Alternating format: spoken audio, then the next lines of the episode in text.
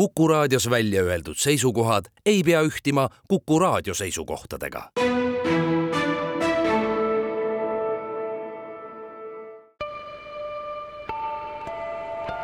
ilmaparandaja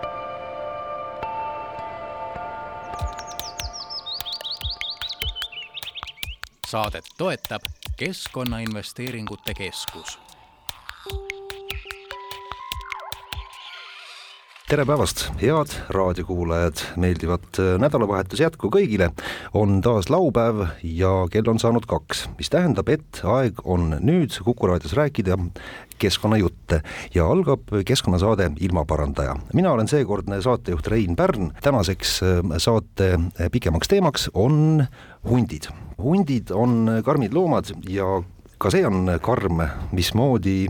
huntidega talitatakse ja ühtepidi hundid ise tekitavad palju kahju, aga ka hundid selle tõttu siis jah, ka ise kannatavad, peab neid ohjama, et nad nagu liiga, liiga üle käte ei läheks. Ja samas peab vaatama väga tähelepanelikult, et huntide populatsioon ikkagi säiliks ja Eesti oleks selles mõttes uhkusega saaks öelda, et Eesti on selline riik, kus hundid elavad, loodetavasti ikkagi hästi, hoolimata sellest, et, et neid siin kütitakse. et sellest teemast nüüd natukene laiemalt äh, kuulajale mõtteainet pakkuda, siis oleme kutsunud täna huntidest rääkima meie saatesse kaks inimest, kes riigi poolt hundiga seotud asju ajavad ja, ja suunavad seda, et äh, kuidas hundil äh, Eestis hakkab siin minema ja hea meel on näha stuudios kõigepealt Keskkonnaameti looduskaitse peaspetsialist Tõnu Talvi, tere Tõnu! tervist! ja Keskkonnaagentuuri peaspetsialist ja ulukituurija Peep Mändil, tere Peep! tervist! Et nii, uudis, mispärast oleme teid tegelikult siia stuudiosse täna kutsunud, on see, et Keskkonnaamet on nüüd siis kehtestanud huntide küttimismahud, mis on alati selline number, mille üle, millele eelneb üks väga kõva vaidlus ja ilmselt ka järgneb äh, päris palju arutelu, kuid äh, selge on see, et äh, nüüd tänavuse hundi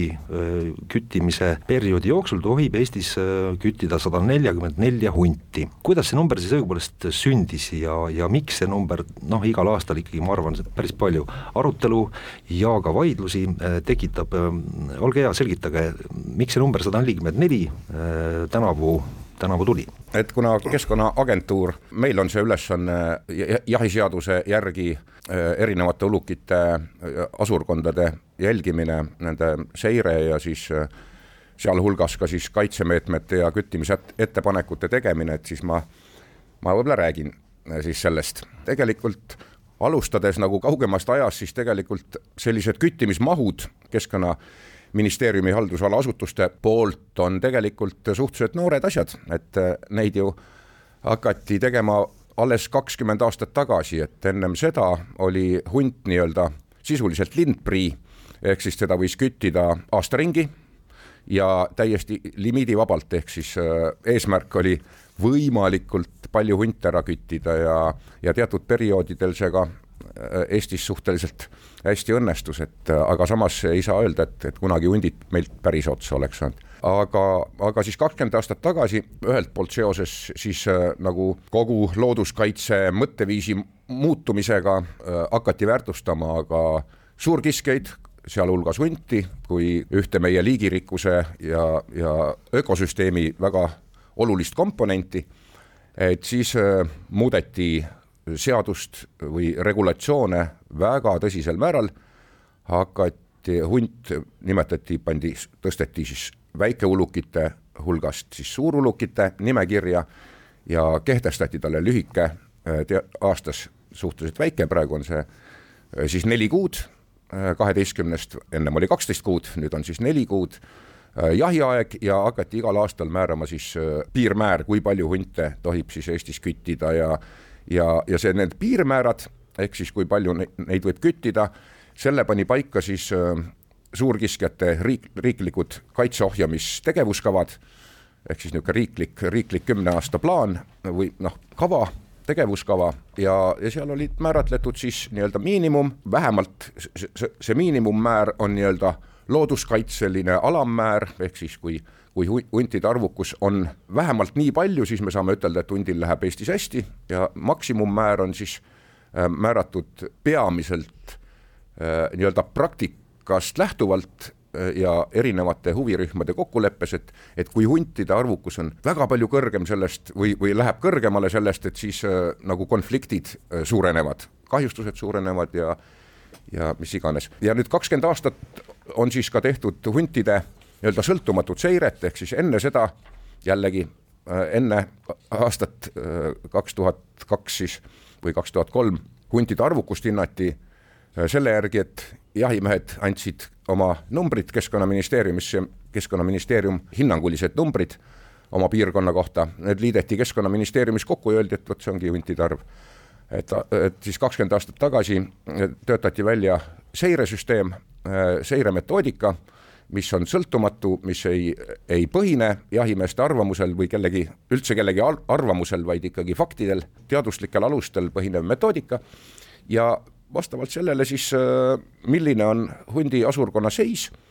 siis igal aastal me saame teha ettepanekud, kui palju maksimaalselt võib hunte küttida, et, et see arvukus jääks sinna nii-öelda kokku lepitud piiridesse. ja see sada nelikümmend neli on sellel aastal suhteliselt kõrge küttimismaht, miks, sellepärast et, et tegelikkuses on juba kaks aastat, eelmine aasta ja ka see aasta on siis see huntide arvukus on paraku kõrgem kui see tegevuskavas kokku lepitud kolmkümmend karja ehk siis kolmkümmend kutsikatega hundi pesakonda. tänavu on see vähemalt kolmkümmend kuus teadaolevalt hetkel. eelmisel jahihooajal kütiti kokku sada kuusteist hunti, ma ei tea, kas see tähendas ka seda, et sada kuusteist oligi see piirmäär, aga nüüd siis sel aastal sada nelikümmend neli ja ma ei tea, kas see tähendab ikkagi põhimõtteliselt ka seda, et hooaja jooksul sada nelikümmend neli hunti kütitud saab või kuidas see selle kvoodi täitmisega noh, tavaliselt aastate jooksul on? noh, tegelikult on niimoodi, et, et hundi küttimise ettepanekuid on tehtud jällegi vastavalt, vastavalt sellele tegevuskavale ja vastavalt kujunenud praktikale, et, et enne jahi hooaja algust, et jah, jahi, hundi jahi aeg hakkab esimesel novembril, et tegelikult selleks ajaks, ehk siis äh, oktoobrikuus ei ole meil veel piisavalt ülevaadet noh, nagu tegelikust olukorrast hundi asurkonnas, et kus, kus ja kui palju on neid pesakondi, meil on meil on mingisugune üsna suures ulatuses on teada, aga mitte päriselt, nii et tegelikult on juba äh, üle kümne aasta on tehtud hundi küttimislimiit selliselt, et äh, jahihooaja alguses anname äh,, teeme ettepaneku, Keskkonnaagentuur teeb siis Keskkonnaametile ettepaneku esimese küttimismahu jaoks ja hiljem siis jooksvalt selle nelja kuu jooksul, noh, praegu on juba üle peaaegu poolteist kuud on, on sellest möödas, et tehakse tegelikult veel lisaettepanekuid, juhul kui see selgub selle hooaja jooksul, lumi tuleb maha, hakatakse palju rohkem nii-öelda jäljevaatlusi ja kõike, seda infot hakkab kogunema, et juhul, kui selgub, et seal noh, tegelikult arvukus on suurem, siis antakse ka nii-öelda limiidi teine osa või kolmas osa. Et ma tahan seda sellega öelda, et see sada nelikümmend neli ei pruugi sel aastal jääda nii-öelda lõplikuks, vaid võimalik, et ta mõnevõrra suureneb, võib-olla paari, paarikümne,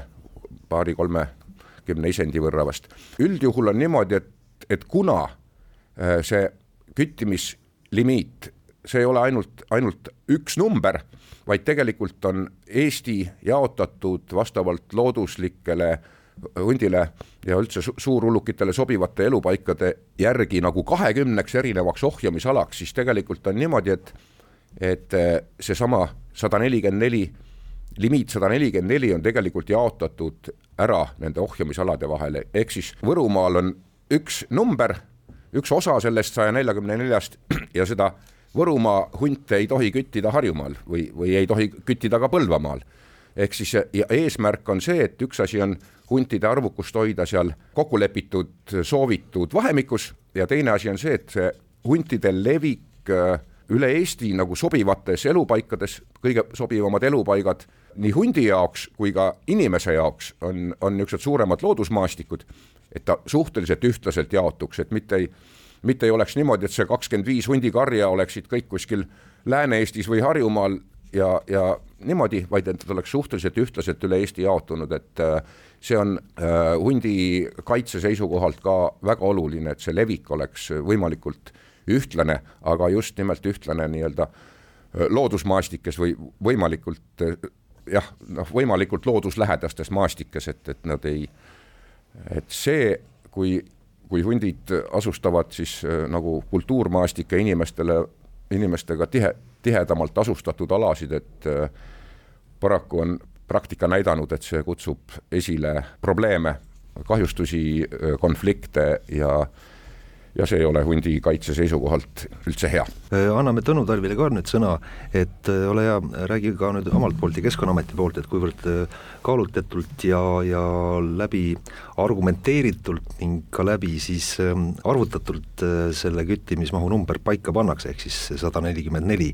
mis on praegu jah, paika pandud ja nagu Peep mainis, et see ei pruugi veel olla lõplik number, et eks see veel selgub, aga, aga et selle numbri loogika taga, mis no, on? eks selle numbri loogika ja see eel, eelpool kirjeldatu, see peegeldabki seda, et me nüüd viimased kakskümmend aastat üsna kindlasti, tuletan meelde, eks ole, et kaks tuhat neli me, Eesti riik sai siis Euroopa Liidu liikmeks ja, ja liikmeks ja palju, palju selliseid muutusi ja, ja ka seesama ohjamiskava ja ja muud sellised korrad ja, ja kultuurid muutusid sellega, see tegelikult tähendab seda, eks, et me oleme sisenenud või ja, ja, ja jätkuvalt oleme siis nii-öelda teadmispõhises äh, lähenemises looduskaitses või siis selle konkreetselt sellise konfliktse ja ja mõneti, mõneti probleemse ja emotsioone tekitava ja kohati ka sellise müstika valdkonda kalduva liigi puhul, nagu, nagu hunt on. Eh, mis veel kord meelde tuletuseks seal seda varasemat aega, Peep ju mainis, illustreeris seda väga hästi, et et varem oli põhimõtteliselt hunt meil lindprii, aga tänu sellele, eks ole, et Eesti on suhteliselt looduslik ja loodusmaastikud ja naabermaad siis mõtleme siis üle, üle Peipsi ja Pihkva järve, eks ole, Vene, Venemaa, neid piirkondi on suhteliselt looduslikud ja sama käib meie lõunanaabri Läti kohta et, et hunt väga plastilise ja dünaamilise ja liikuva liigina siis suutis ennast alati kompens-, kompenseerida, meilt otsa ei saanud, vastupidiselt näiteks, eks ole, Lääne-Euroopa, Vana-Euroopa maadele, kus kus ta siis inimese võimekuse ja nii-öelda looduse ülevõtmise tulemusena tegelikult väga paljudest maadest kadus ära, suri välja. ja, ja nüüd siis, nüüd siis tuginedes just nimelt sellisele sõltumatule ja hästi tõenduspõhisele ja hästi mitmekülgsele seireandmetele ja sellisele prognoosi tegemisele, eks ole, see ei ole ainult mitte nagu eriteadlaste ja ja siis riigiametite poolt suunatud, vaid sealt ka on selline nii-öelda kodanikuteadus või vabatahtlik loendus ja siis hästi suure huvigrupi jahimeeste poolt tulenev andmestik, et see läheb kõik ühte sellisesse analüüsi kokku ja sealt, sealt siis Keskkonnaamet kui selle eest vastutaja ja otsu-, otsustaja, tema siis kinnitab ja vaatab nendele otsa ja kinnitab siis koos, koostöös tegelikult selline mitteformaalne suurkiskjate nagu koostöörühm on, kus on hästi erinevad huvigrupid, pluss veel, veel laiemalt on meil ka juba mitmed aastad toimiv selline nii-öelda koostöökogu või ümarlaud, suurkiskjate ümarlaud, kus siis, kus siis omakorda veel, veel laiemalt nagu toimub selline infovahetus ja mõlemasuunaline selline teabe liikumine, et ühelt poolt, et nagu riigi ja, ja teadmiste põhisus ja needsamad prognoosid, kas või seesama küttimise prognoosid ja, ja mudelarvutused, mis näitavad, eks ole, mis selle järel siis peaks toimuma ja, ja missuguse olukorra me saavutame, teiselt poolt, eks ole, saab saavad need riigiametkonnad, saavad vastu ka siis nende erinevate teiste huvigruppide, noh, seal on, eks ole, nii nii loomakasvatajate esinduse esindajad, jahimeeste loomulikult, eks ole, siis sellised lihtsalt looduse, looduse ja, ja siis selle hundi kui, kui sellise väga erilise liigi huvilised ja ja tema eest seisjad, et sealt, sealt siis sellise mõlemapoolse infovahetuse ja, ja liikumise tulemusel tekivad need tekivad need sellised konsensuslikud tegelikult eh, ohjamise, ohjamise numbrid. loomulikult, eks ole, kuna minu hinnangul on väga-väga hea selline teadmisepõhisus ja kompetentsikeskused on riigil olemas Keskkonnaagentuuri uluki töörühma näol, siis siis tegelikult võib üsna rahulikult usaldada neid, sest et sealt, nendel ei ole ühtegi sellist erihuvi, erihuvi nüüd siia või sinnapoole, eks ole, sellise küttimislimiidi määr-, määramisel, et, et ei ole, ei ole seda ei ei ühelt poolt näiteks mingisugust erilist või ütleme, eksootilist või müstifitseeritud kaitse, kaitsehuvi, ülekaitsmise huvi ja teise külje pealt ei ole siis jällegi, jällegi võib-olla sellist ohjeldamatut või piiramatut siis ohjamise ja ja võib-olla kas või siis teiste, teiste kütitavate ulukite suhtes nagu sellist konkurentsi või kiivuse, kiivuse tunnet, et siit võib üsna rahulikult, rahulikult usaldada neid, neid numbreid ja arve, mida siis eksperdid lauale panevad ja mis mis tegelikult, mida ju siis ka korrigeeritakse, nagu Peep, eks ole, mainis nüüd just nimelt selle jahiperioodi esimese, esimese poole jooksul eriti kui on selline imeline talv ja aeg, nagu praegu on, eks ole, siis väga-väga palju andmestikku tuleb lisaks, lisaks nendele jälve, järjevaatlustele, eks ole, ka nende kütitud isendite analüüsi või nende omaduste põhjal, eks ole, kas seal olid noored, vanad, isad-emad, kas nad on siginud või mitte, eks ole, siis sellise ruumiline paiknemine, eks ole, sealt, sealt see, see nii-öelda teadmispõhisus ja foon muudkui aga paraneb, et et isegi, kui nüüd see küttimismahud suurenevad, ähm, ütleme seal kuskil sada viiskümmend jahihooaja lõpuks kütitakse, siis see, et äh, tagatakse selline ma ei tea, kas see nüüd noh, minimaalne pesakondade arv, mille pealt on noh, võib kindlasti öelda, et äh, huntide populatsioon taastub no vähemalt eelmise aasta tasemele, selles võib äh, üsnagi kindel olla või, või on siin mingisuguseid küsimusi veel? See on kindlasti, noh, mina nimetaksin selline soodne seisund, jah, sellel võib olla erinevad sellised kõlavarjundid sellisel väljenda, väljendumisel, aga aga, aga see tähendab seda, et, et need vastutust omavad ja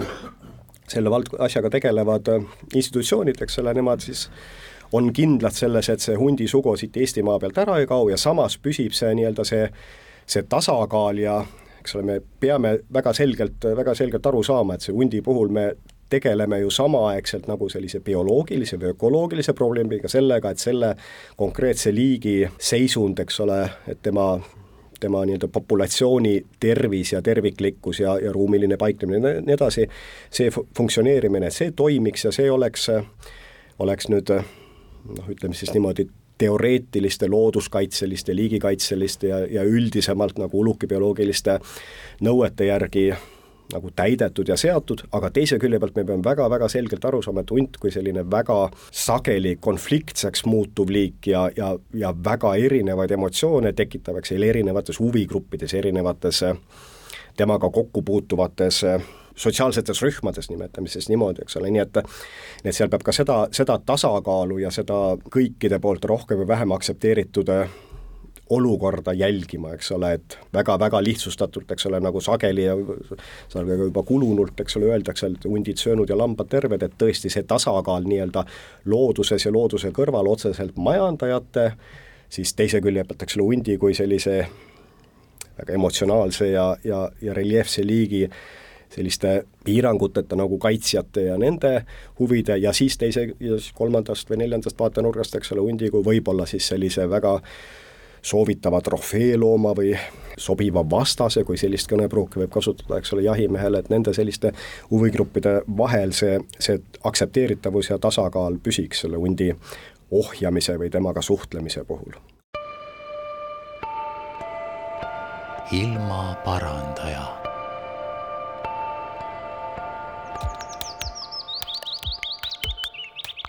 saadet toetab Keskkonnainvesteeringute Keskus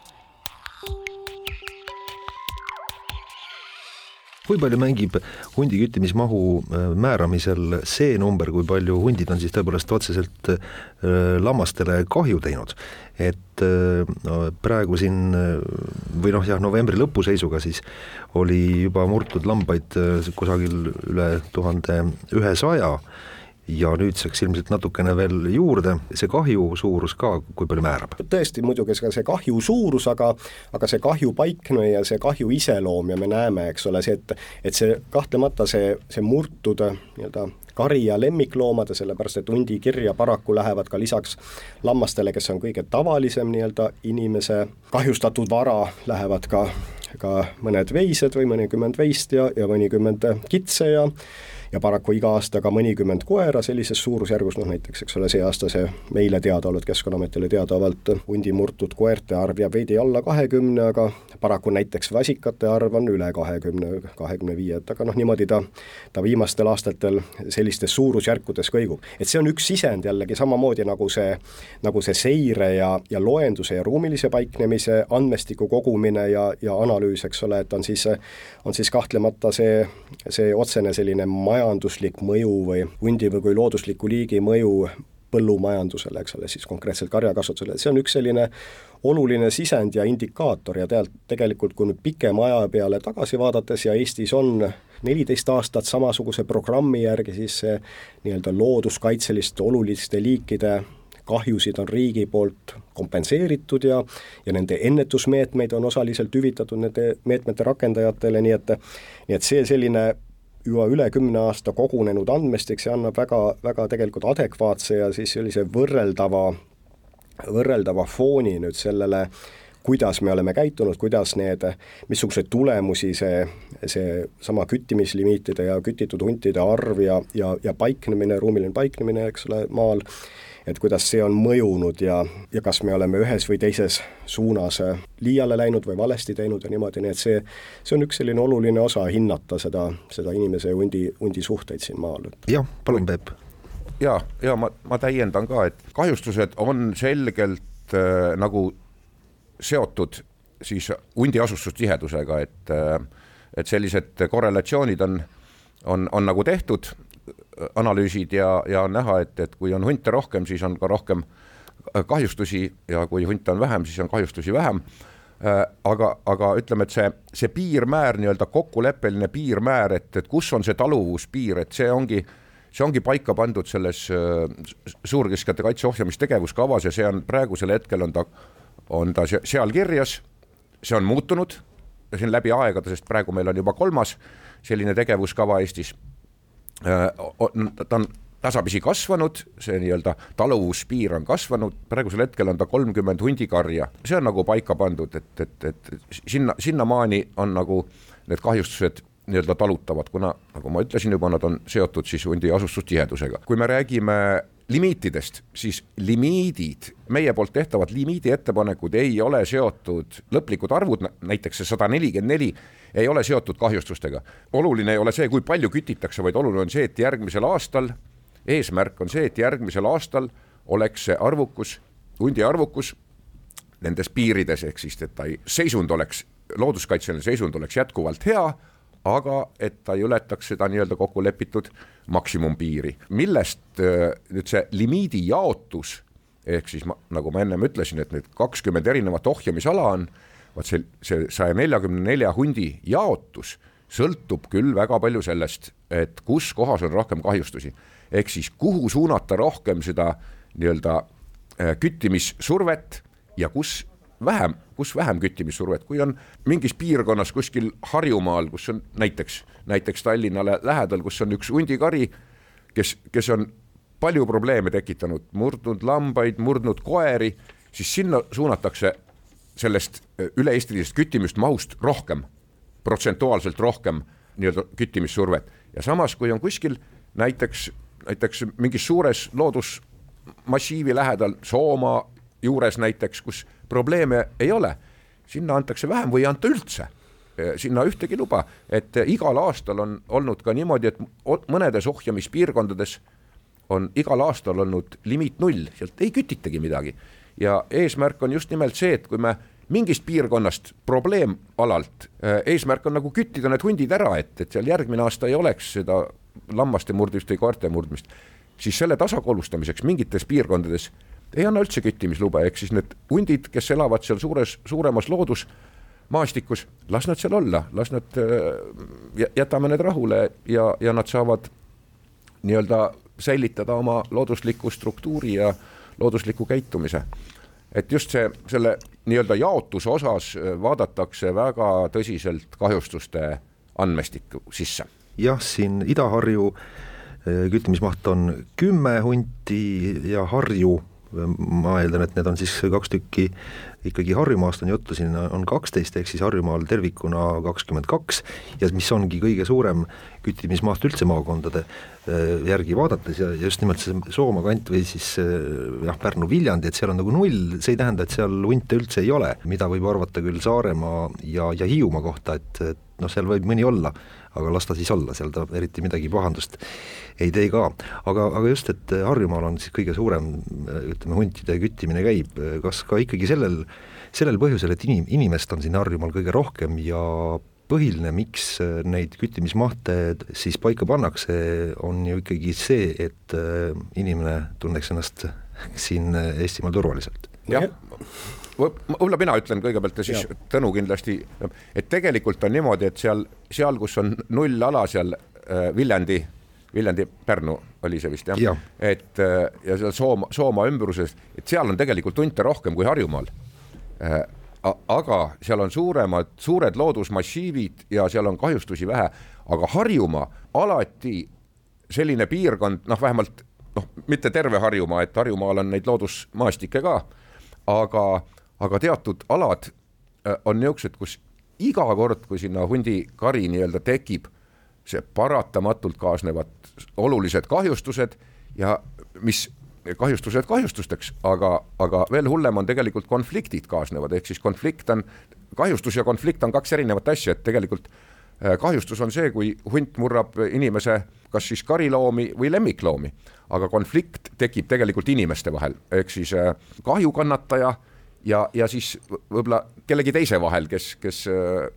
kes ise kahju ei kannata, aga tahab hirmsasti, et, et, et need hundid seal sinna alles jääks, et inimestevahelised konfliktid on, on need. Ja just nimelt näiteks Harjumaal ja selles piirkonnas, kui seal murtakse palju kariloomi või ka koeri, sealt tekivad konfliktid, konflikte võimendatakse meedias palju ja ühelt poolt hakkavad nii-öelda häält tõstma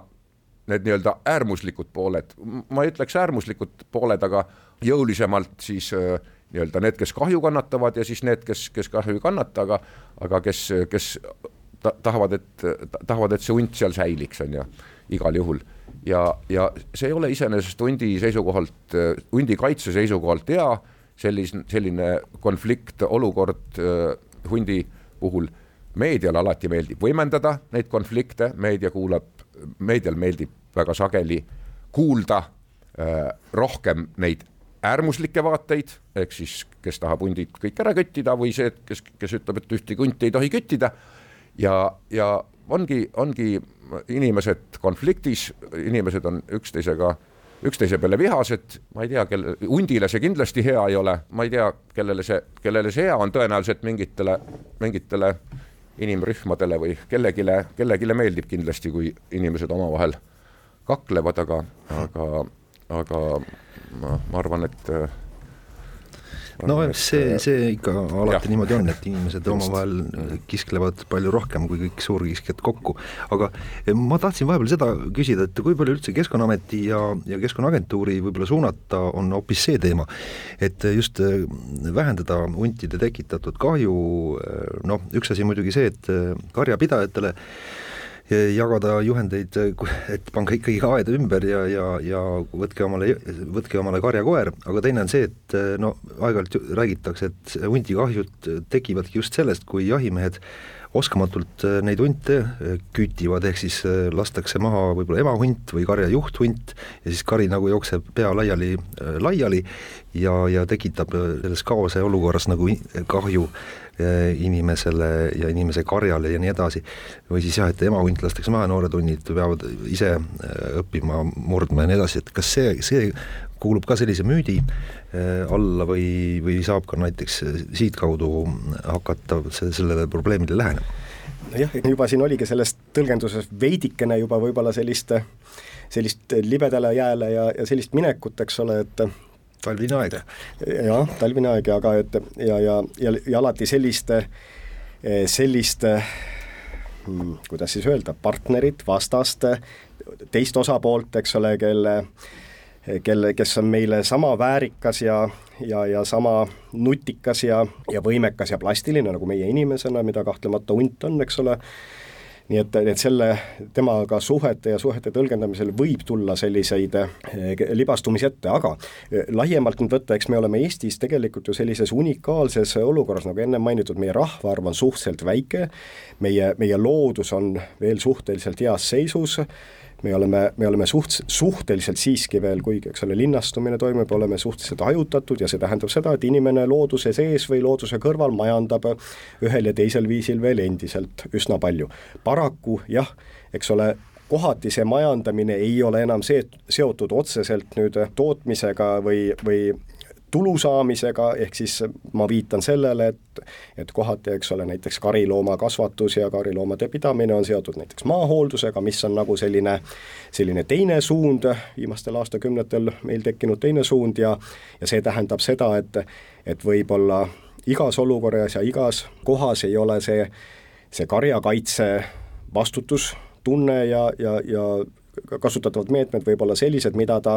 mida ta noh, ütleme siis viiskümmend või sada aastat tagasi ehk kolm-neli inim-, inimpõlve tagasi oli, kus, eks ole, kari oli ennekõike nagu ell-, ellujäämise küsimus ja sealt nii toidu kui, kui riiete või muu sellise tooraine saamise küsimus ja, ja selles mõttes oli väga-väga selge huvi selle karja jätkusuutlikul kasvamisel või majandamisel ja tootmisel.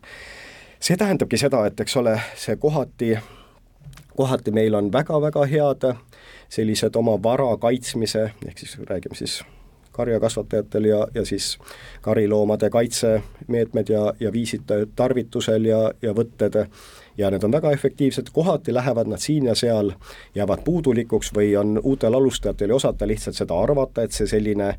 metsa poolt sinna karjale pealevaatamise huvi ja, ja see on, on siiski väga reaalne olemas. Ja kui asi lohakile või või lihtsalt unustada, siis, siis võivad need kahjud olla väga kergelt tulemas. Ja sealt tuleneb ka see nüüd nagu jätkuks või linkides seda eelnevat, eelnevat juttu, et erinevatel aastatel siin või seal võivad tekkida, eks ole, sellised suuremad nagu kahjustuskolded või kahjustuspiirkonnad, see ongi ennekõike just selle, selle nagu sellise suhte viltu läinud ja konfliktseks läinud suhte arengu tulemus, et, et ühe külje pealt on, on seal, siin või seal siis on suhteliselt kergesti saada lähevad seda saaklooma, mis on siis, ma pean silmas seda, et näiteks kas või need lambad on palju ohutumalt, palju kel-, kergemalt, palju väiksema riskiga saadav, saadav saak hundile, kui eks ole, väga selgelt värsket, uut, elavat saaki murdvale kiskele, temal ei ole teist varianti, eks ole, temal, tema väga-väga domineerivalt on enda poolt värskelt murtud loomasööja eks ole, tema ei saa seda asendada, kompenseerida ja kõrvale sinna võtta, nagu näiteks pruunkaru, eks ole, taimse toiduga marjade, muu sellise asjaga, raibetega näiteks. ja see tähendabki seda, et kui, kui hunt saab juba, saab sellise korduvalt sellise signaali, et see asi toimus, see murdmine toimus ilma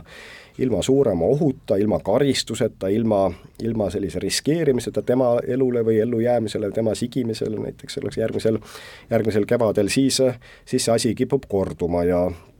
ja me nimetame, noh, see on väga-väga selline inimesekeskne äh, klassifitseerimine, aga siis sel puhul, eks ole, hakatakse rääkima nüüd nuht-, nuhtlusisendist või nuhtluskarjast. Ja ühesõnaga sellised nagu halvad kombed, jällegi inimese keeles tõlgendus, et sellised halvad kombed omanud isendid või, või karjad, see võib juhtuda ka loomulikult mitte, mitte ainult sellisel väga kergele kättesaadavusel, see võib sellisel muu traagilise asjaga, kui niimoodi võib väljendada, eks ole, näiteks et meil on paraku kärntõbi üsnagi levinud ja on isendeid või on ka karju, kes on tabandunud siis kärntõvega ja nad ongi nagu vähem võimekad või, või nõrgemad, need isendid, ja nendele ka siis jällegi siis kari või lemmiklooma murdmine on nagu palju kergem, kergem variant kui kui metsas, eks ole, näiteks seakesikut või, või kitse taga ajada. ja, ja see tähendab seda, et siis riik, et seda sellist tasakaalu ja sellist nagu ohjeldamatu viha ja, ja pahameele ja sellist konflikti paisumist, paisumist ära hoida ja samas seda olukorda nagu siiski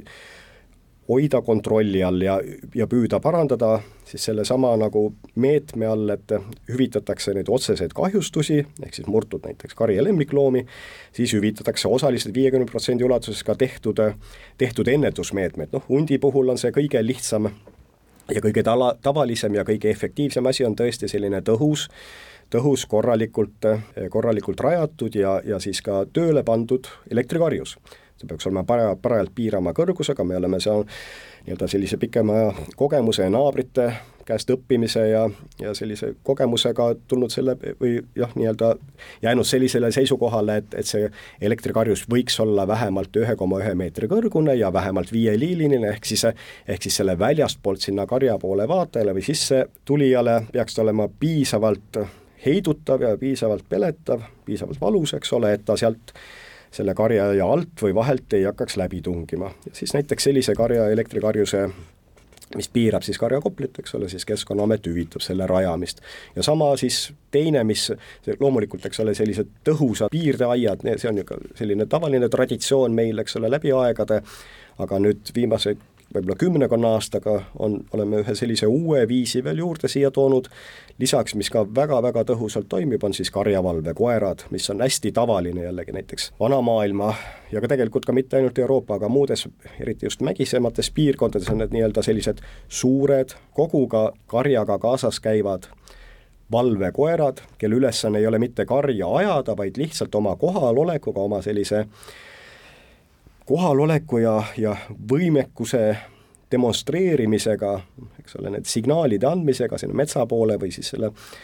oma metsikute suguvendade poole anda seda signaali, et siin olen, see kari on minu oma või see on, mina kuulun nendega kokku ja ära siia tule, sest et siis su kasukas võib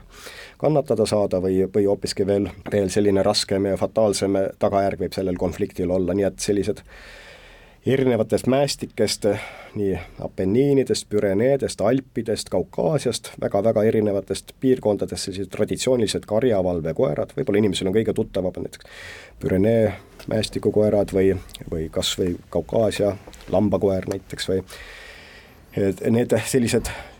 suurekasvulised, lihtsalt karjaga kaasas käivad ja koos elavad koerad on väga-väga hea heidutusviis ja siis näiteks nende nende soetamist siis ka riik hüvitab, nii et, et üritame selliste nagu heidutuse ja peremehetunde ja, ja vastutustunde nagu säilitamise ja kasvatamise, toetamise abil ka siis seda, seda konflikti nagu ära hoida või siis, või siis leevendada, kui ta juba on tekkinud ja ja, ja nendest on tegelikult piirkondades, kus on neid hästi kasutatud, neid ennetusviise, siis nende see tulemuslikkus on tegelikult väga-väga hea, näiteks. Me tõesti võime tagasi vaadata kas või nüüd nendel päevadel küll muu asja pärast, selle elektrikatkestuse pärast, eks ole, meil eetris ja, ja, ja tähelepanu olevat Karula piirkond või see Lõuna-Eesti piirkond näiteks, kus kümmekond aastat tagasi oli üsna palju, seal on ka sellist traditsioonilist karjakasvatust, lambakasvatust hästi palju, väikesed ja keskmise suurusega karjad, oli, oli suhteliselt palju kiskjakahjusid, hundi poolt tekitatud kahjusid, aga, aga seal on nooremapoolsed ja väga ettevõtlikud ja vastutustundlikud ja kiiresti reageerivad inimesed ja lisaks siis sellistele efektiivsete karjaaedade rajamisel võeti seal ja siis ka paljundati ja jagati omavahel neid samasid karjavalvekoerasid ja me nüüd viimastel aastatel kuuleme mõnest üksikust juhuslikust või noh, tõesti võib öelda, et sellisest õnnetusjuhtumist, et, hunt on seal korraks karjas käinud, aga, aga sellised suured seeriad on seal näiteks ära jäänud, et näitab, et tõesti selline efektiivne tegutsemine, vastutustunne karjakasvataja poolt, see mõjub hästi. Ilmaparandaja.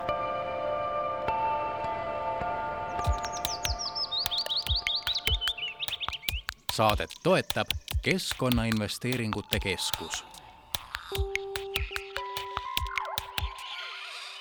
kas muidu see töötab, kui karjakoer käib ja, ja märgistab oma, oma piirid maha siis kollase joonega? No seesama asi töötabki jah, et tõesti koerlased, nagu näiteks hunt ja temal väga-väga lähisugune meie kodukoer, eks ole, nemad on territoriaalse eluviisiga liigid ja need tähistavad väga selgelt, nad on, esiteks nad on, eks ole, sellised väga selgelt paaritruud ja siis teiseks väga territooriumitruud, nad tähistavad oma selle territooriumi, ennekõike jah, just nimelt selle mainitud lõhnamärgistega ja, ja siis seda, seda territooriumi nii-öelda kontrollivad ja, ja selle peal sigivad ja, ja hoiavad seda väga-väga selgelt ja seesama karjavalvekoera kasutamine tegelikult on täpselt samamoodi sellesama põhimõtte ärakasutamine teise poole pealt, et see selline suur, suur koer, eks ole, suur isend, ei ole tähtis ja, ja see eesmärk ei olegi kunagi mitte see, eks ole, et ta nüüd läheks kiskja hammastega kiskuma selle hundi vastu või sealt tekiks, eks ole, nii-öelda otsene füüsiline konflikt ja, ja, ja selline kontakt ja, ja ühe või teise osapoole selline vigastamine või, või surma äramurdmine, vaid tegelikult on just nimelt oma selle kohalolu äramärkimine ja selline signaliseerimine. ja me oleme ka väga, väga toredad on need juhused tegelikult, kui kui jälgida seda, kuidas need karjavalvekoerad töötavad, siis, siis sealt mööda sõites või kõndides sealt nendest karjamaadest näed, et kuskil eemal seal künka peal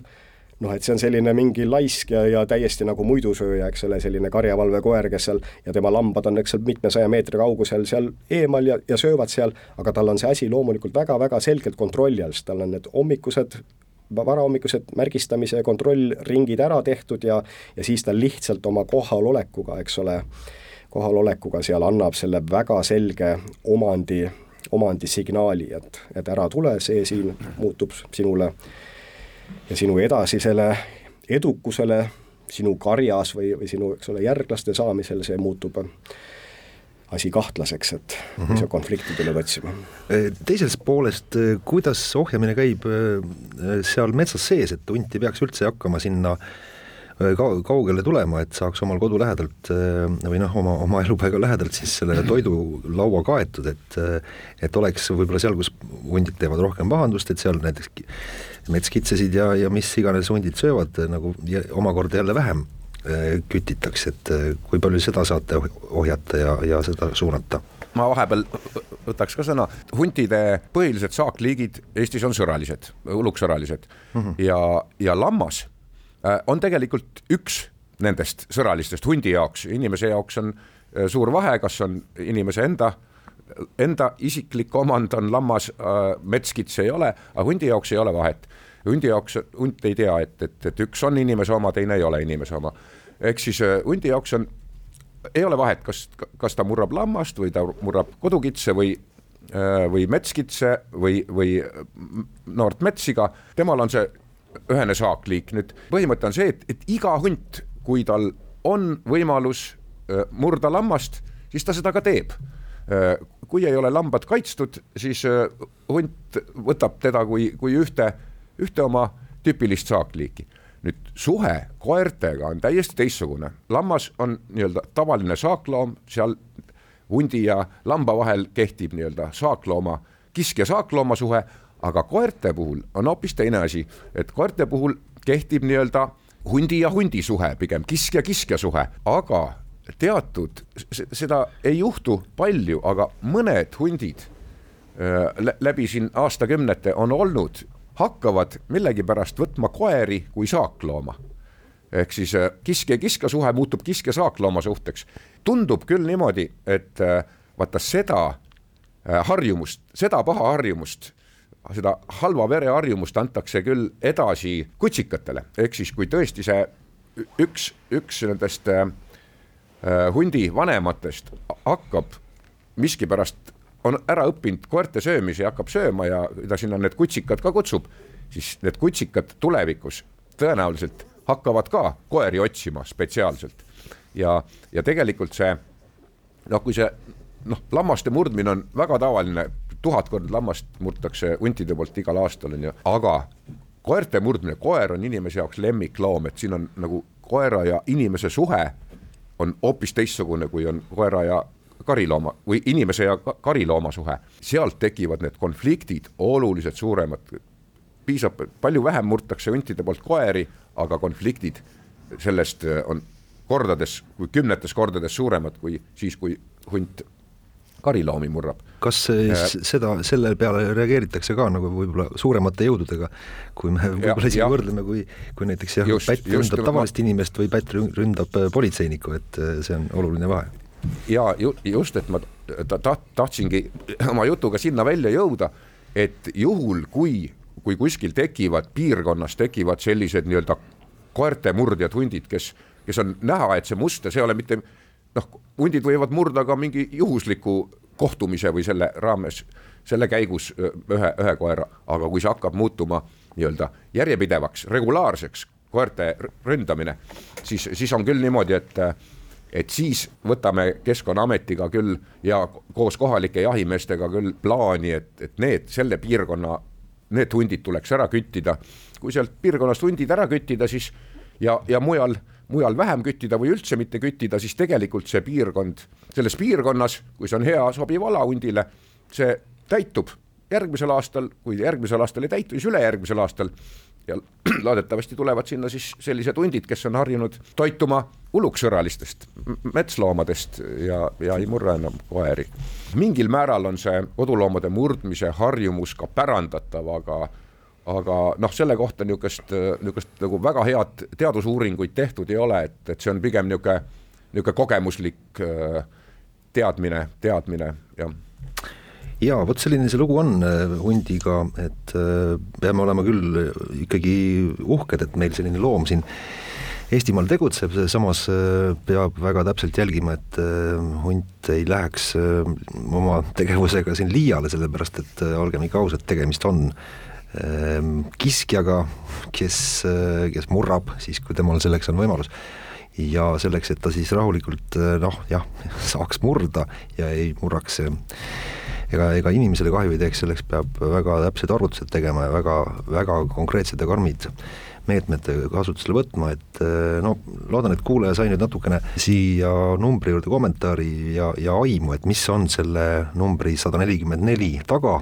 mis siis tähendab, kui palju tohib tänavu Eestis eh, jahihooaja jooksul hunte küttida, mille siis Keskkonnaamet novembri lõpus siis kehtestas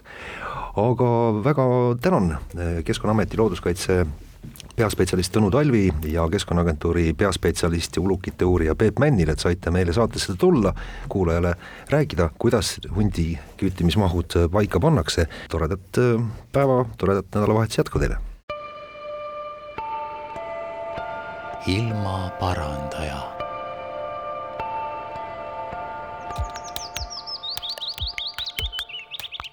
saadet toetab Keskkonnainvesteeringute Keskus